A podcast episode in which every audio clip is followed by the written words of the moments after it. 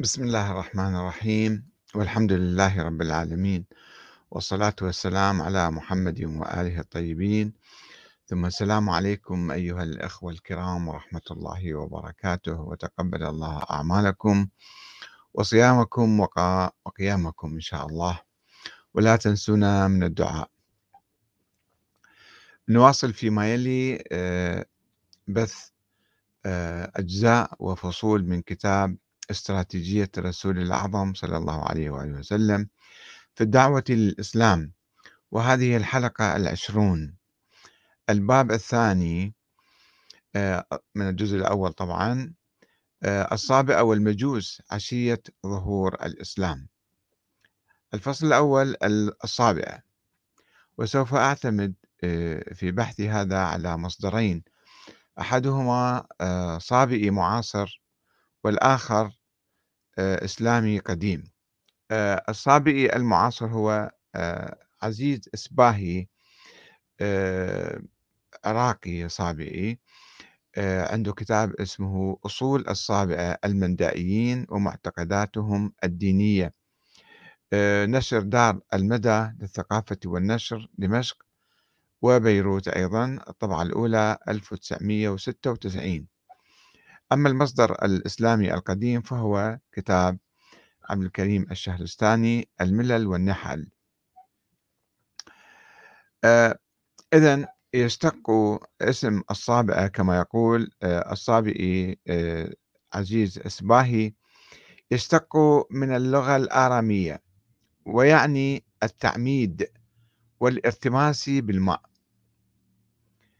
وحسب ما نقرأ في كتبهم وكتب المسلمين عنهم آه، فإنهم يؤمنون بالله تعالى وأنه واحد لا تلحقه صفة ويؤمنون بالأنبياء ويوم القيامة والحساب والجنة والنار والصراط والميزان والملائكة ويتوضؤون ويسمون الوضوء الرشامة ويصلون ثلاث صلوات.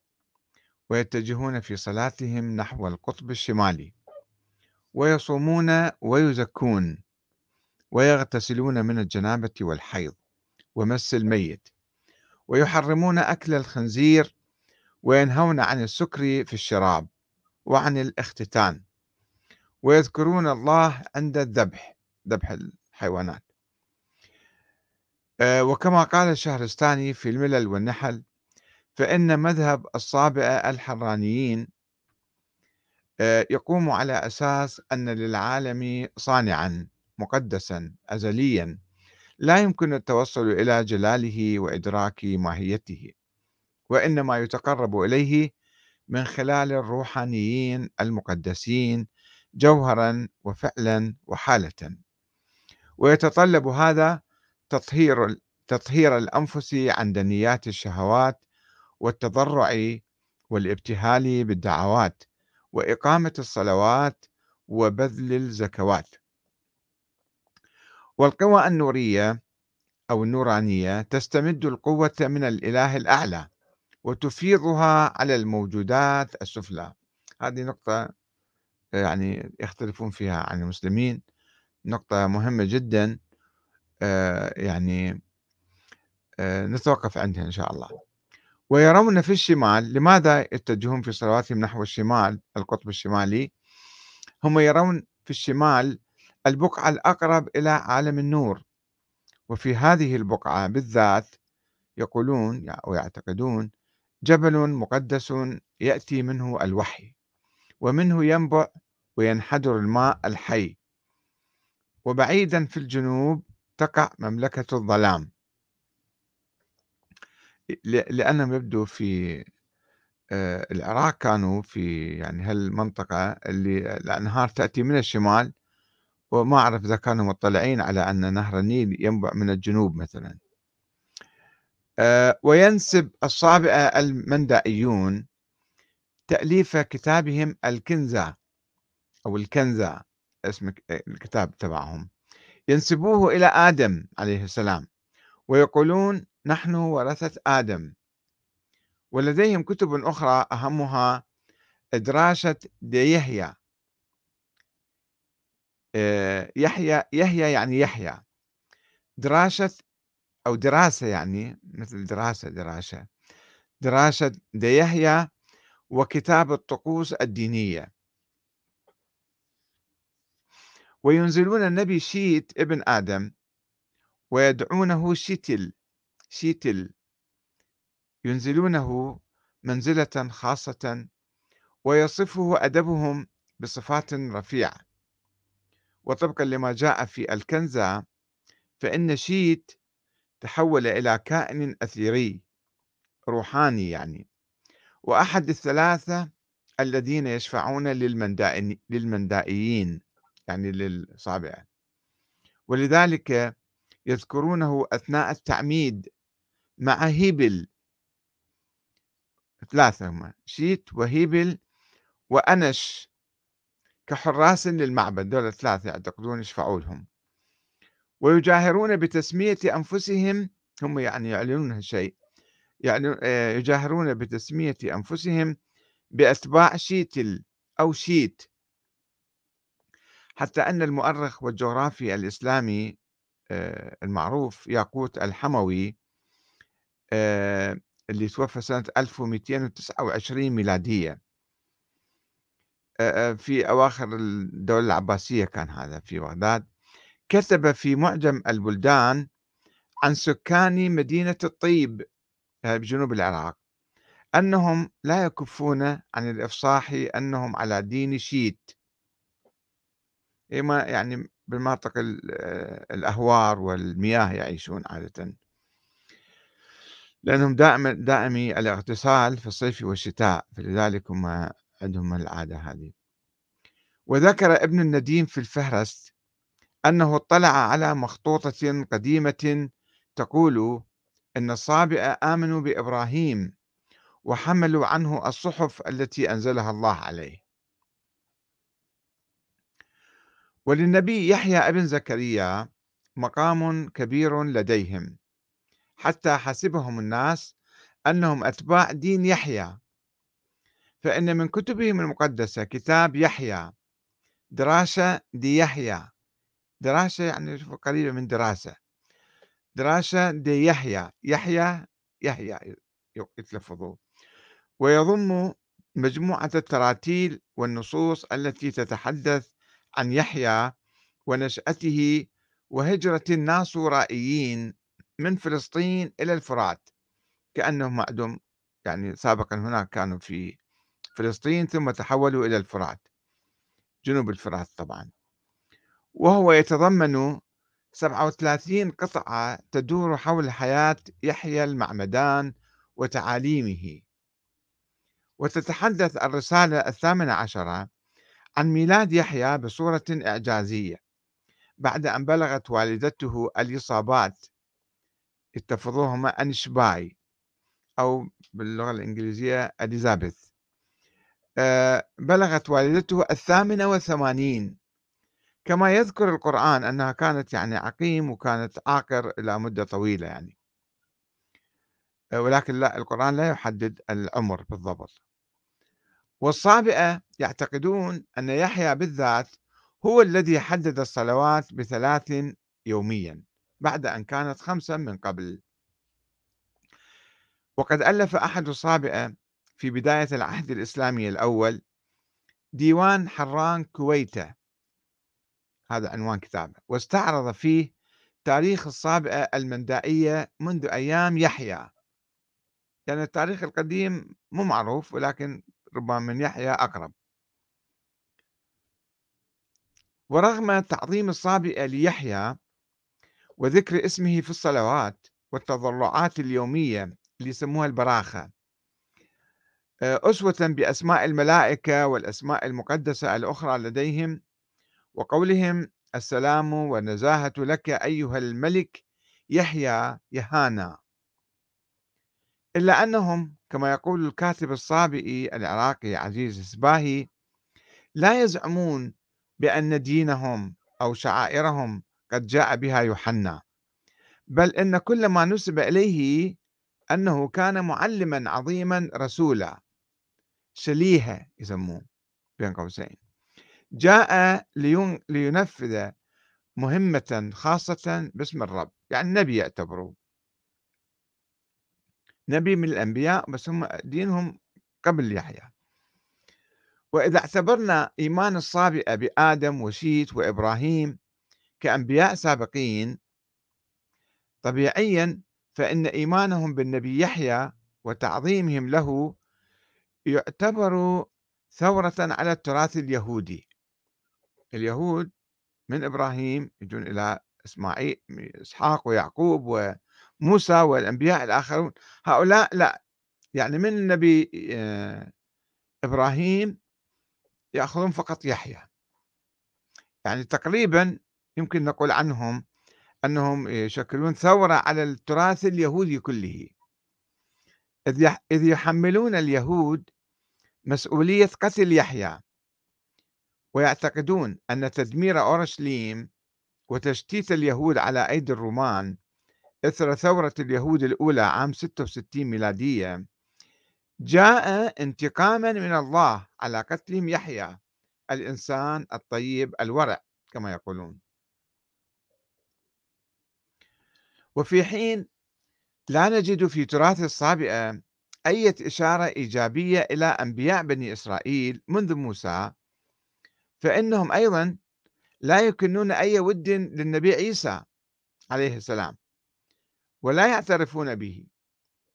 ويشكك الأدب الصابئي المندائي بوصف يسوع بالمسيح. يقولون هذا مو معلوم هو هو المسيح يعني. بل يرى فيه مسيحا دجالا. ويعتقدون بأن يحيى هو المسيح. وهذا الخلاف يعود إلى تلك الفترة الأولى التي حدث فيها الخلاف بين أتباع يحيى وعيسى.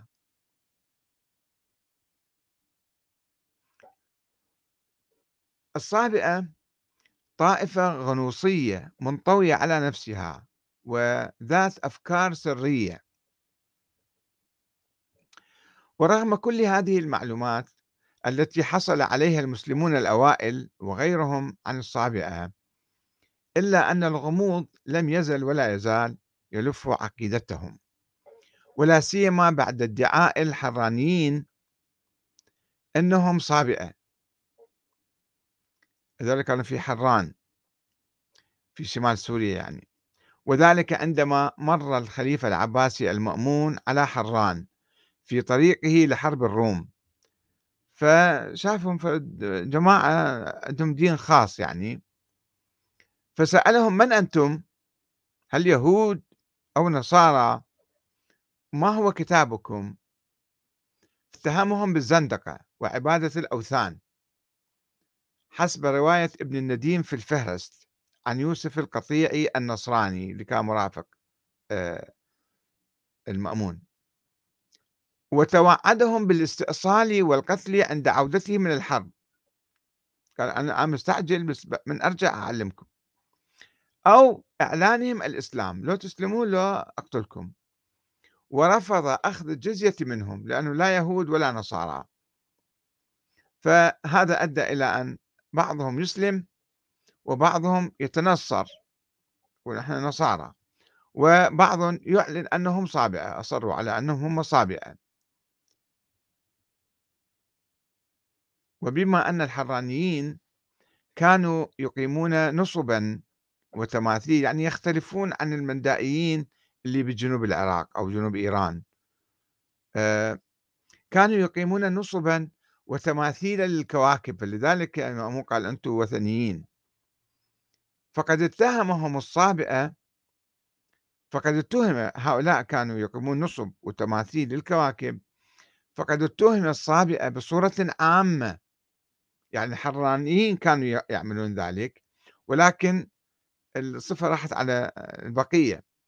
اتهم الصابئة بصورة عامة بعبادة الكواكب والنجوم واتهموا بأنهم وثنيون كما يقول الشهرستاني.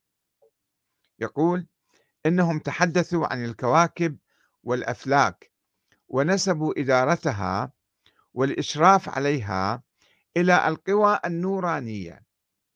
يعني أكون شبه آلهة يعني أخرى. وأن الانفعالات في الطبائع طبائع البشر أو الحياة يعني والعناصر تنجم عن حركة هذه الأفلاك يؤمنون بالفلك. وهذا الإيمان بالفلك والأبراج ربما أيضا كان يعني قريب من عندهم أو جاي من عندهم أو هم متأثرين فيه أيضا. ولا شك أنهم كانوا ولا يزالون يتبرؤون من هذه التهمة. يقولون نحن لا لا نعبد ولا نعتقد بذلك. بيد أن قولهم بالإله الأعلى هاي النقطة اللي أشرنا إليها في البداية أن يقولون هناك إله أعلى وهناك آه، آلهة أدنى يعني. ونسبة الخلق إلى آلهة أدنى وإدارة الكون والأفلاك وهذول آه، في الكواكب يعني يديرون الكون. ونسبة الخلق إلى آلهة أدنى يلقي بظلال من الشك على عقيدتهم التي يحرصون على تغليفها بالسرية والغموض. يعني ربما عندهم بعض الأفكار ولكن لا يصرحون بها. يقول الباحث الصابئي المندائي العراقي عزيز سباهي هذا اعتراف من داخلهم يعني. يقول إن المندائية كطائفة غنوصية تلجأ في كتاباتها إلى لغة الرمز والتأويل فالمندائيون في سردهم للميثولوجيا عقيدة يعني التي يؤمنون بها يلجؤون إلى المقولات والصفات العامة والمعاني المجردة تارة وإلى تشخيصاتها تارة أخرى. ويضيف إن المنداني إن المندائيين شديد الانطواء على أنفسهم. وهم عدا عن كونهم أصبحوا في عهد ما لا يبشرون بدينهم كانوا لا يسمحون باطلاع غيرهم على كتبهم الدينية. يخافون ربما يعني. بل وإن بل وإن رجال الدين منهم كانوا يحاولون دون يحولون دون اطلاع حتى عامتهم على بعض كتبهم الدينية. ويقصرون تداولها على رجال الدين وحدهم. ولديهم أسرار دينية لا يجيزون إفشاءها إلا للمستويات العليا من كهنتهم. وتشدد كتب الطقوس في تعليماتها لرجال الدين على تلاوة بعض النصوص بصوت خافت حتى لا يسمعها من يمارس الطقس الديني له. يعني واحد مثلا يعمدوه أو يتكلمون معاه هم يتكلمون بشكل خافت حتى هذا الشخص اللي صابئي ما يفتهم وما يسمع ماذا يقال له. ويكشف عزيز إصباهي عن التأثيرات البابلية على الصابئة. فيقول لا شك أن الفلك البابلي وما دار حوله من معتقدات ظل حيا في الأذهان لفترة طويلة وحافظ الناس على الاعتقاد بتسلكات الأفراد وأمزجتهم. وظلت حران بالذات أحد أهم المراكز في أبحاث الفلك ومعارفه. لذلك من غير المألوف ألا تتأثر معتقدات المندائيين بمخلفات المعتقدات البابلية بشأن الكواكب والبروج والفلك عامة. إن المندائيين بفكرهم الغنوصي الذي يحمل كثيرا من البصمات البابلية وبأساطيرهم التي تقارب الأساطير البابلية. ما كانوا ليجدوا غضاضة في معتقداتهم بشأن الكواكب والبروج. إن أدبهم الديني مليء بالإشارة إلى السبعة والاثنى عشر وما يرتبط بها من شرور. فأدبهم الديني يصف الكواكب والشمس والقمر كأجرام سماوية تركن إليها أرواح شريرة وإلى جانبها أرواح نورانية. موكول لها أن تراقب سلوك الأرواح الشريرة وتتدخل في النهاية لفرض إرادة ملك عالم النور ملك دنهورا الحي الأعلى إله الكون. يعني في آلهة أو شبه آلهة يعني آه، يتصارعون في مع الشياطين. ويقول إسباهي أن رجال الدين حتى اليوم يسعون إلى استطلاع ما يحمله الغيب في كل عام. في واحد من أعيادهم السنوية يتنبؤون أن راح يصير من الأفلاك شو راح يصير السنة القادمة. استنادا إلى حسابات فلكية أوردها كتابهم أسفر ملواشة. عندهم كتاب اسمه أسفر ملواشة يتحدث عن هذا الموضوع. هذا ما حصلنا عليه من معلومات عن الصابئة قبيل الإسلام وربما حتى بعد الإسلام يعني.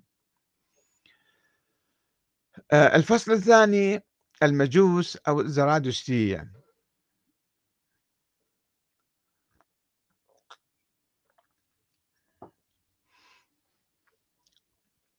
وسوف أعتمد أيضا على ثلاثة مصادر. هي أولا كتاب خليل عبد الرحمن أفيستا الكتاب المقدس للديانة الزرادشتية. هذا منشور سنة 1993 آه، روافد للثقافة والفنون دمشق. الطبعة الثانية 2008 وأيضا طبعا كتاب أبو الفتح محمد عبد الكريم الشهرستاني آه، الملل والنحل اللي هو كان في القرن الخامس والسادس. يعني توفي سنة 548 وأيضا آه، الموسوعة العربية العالمية وهي مترجمة بتصرف عن دائرة المعارف العالمية. صدرت بالرياض عام 1416 المجوس أو الزرادشتية هم أتباع نبي يقال له زرادشت ولد في أذربيجان أو صحراء تركمان. بين 1200 و 1400 سنة قبل الميلاد. وتبلور دينه حوالي القرن السادس قبل الميلاد يعني كان في تطور ربما. وله كتاب يسمى أويستا أو أفيستا أفيستا أي القانون أو الأساس معنى هذا الكتاب. وقد أحرق الإسكندر المقدوني عند غزوه لبلاد فارس هذا الكتاب. ثم جمع المجوس أجزاءه ثانية في العهد البارثي والساساني في إيران يعني. ولكنهم فقدوه مرة أخرى بعد الفتح الإسلامي. ولا توجد منه اليوم سوى أربعة أجزاء فقط من أصل 21 جزءا. وكانت المجوسية الدين الرسمي للإمبراطوريات الأخمينية والبارثية والساسانية. ويعتبرها البعض أقدم ديانة توحيدية تدعو إلى عبادة إله واحد هو أهورا مزدا أي الحكمة المضيئة معناتها. وهي تؤمن بالآخرة والجنة والنار وتعتبر النار أداة من أدوات طقوس الطهارة الروحية. المشهور عنهم أنهم يعبدون النار. في الحقيقة هم لا يعبدون النار مثل ما المسلمون يصلون على الكعبة باتجاه الكعبة مثلا لا يعبدون الكعبة إنما آه، وكما يقول الشهرستاني فإن المجوس إنما يعظمون النار لمعان فيها منها أنها جوهر شريف علوي شفاف يعني ومنها أنها ما أحرقت الخليل إبراهيم عليه السلام. يعني يذكرون هذه القصة. ومنها ظنهم أن التعظيم لها ينجيهم في المعاد من عذاب النار. وبالجملة هي قبلة لهم ووسيلة وإشارة والله أعلم كما يقول الشهرستاني وربما يتهم بعض فرق المجوس بعبادة النار أو القول بالثانوية يعني إله النور وإله الظلام. وذلك بعد تشعب الدين المجوسي ووقوع بعض مذاهبه في الشرك بعيدا عن النصوص الأولى. ويتحدث المجوس عن إلقاء أحد الملوك نبيهم زرادشت في النار تماما كما حدث للنبي إبراهيم الخليل. وربما هو نفسه يعني ولكن هم عندهم اسم ثاني. وعدم إحراق النار له. وقد ذهب المستشرق توماس هايد توفى سنة 1700 ذهب في كتابه تاريخ أديان الفرس والبارثيين والميديين إلى أن زرادشت دعا إلى الوحدانية المطلقة وهو رسول مرسل من قبل الإله الأعظم. لينقل إلى الإيرانيين القدماء وصايا إبراهيم الخليل. يعني زرادشت إجا رسول من إبراهيم الخليل. ولكن اليونانيين شوهوا تعاليمه وعرضوها وكأنها تدعو إلى الاعتقاد بآلهة متعددة. النقل المشكلة أيضا.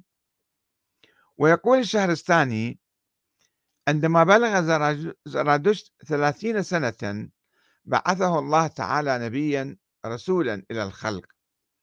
فدعا كشتاسب الملك اسمه كشتاسب فأجابه إلى دينه وكان دينه عبادة الله والكفر بالشيطان والأمر بالمعروف والنهي عن المنكر واجتناب الخبائث. وتكاد صلاة المجوس تشابه صلاة المسلمين في أوقاتها فهم يصلون باليوم خمس مرات عند شروق الشمس وعند الظهر وعند المغرب ومنتصف الليل كصلاة العشاء يعني والفجر. ويصلون وقوفا وهم يربطون زنارا مقدسا حول وسطهم. وتسبق الصلاة طهارة يتوضون يعني.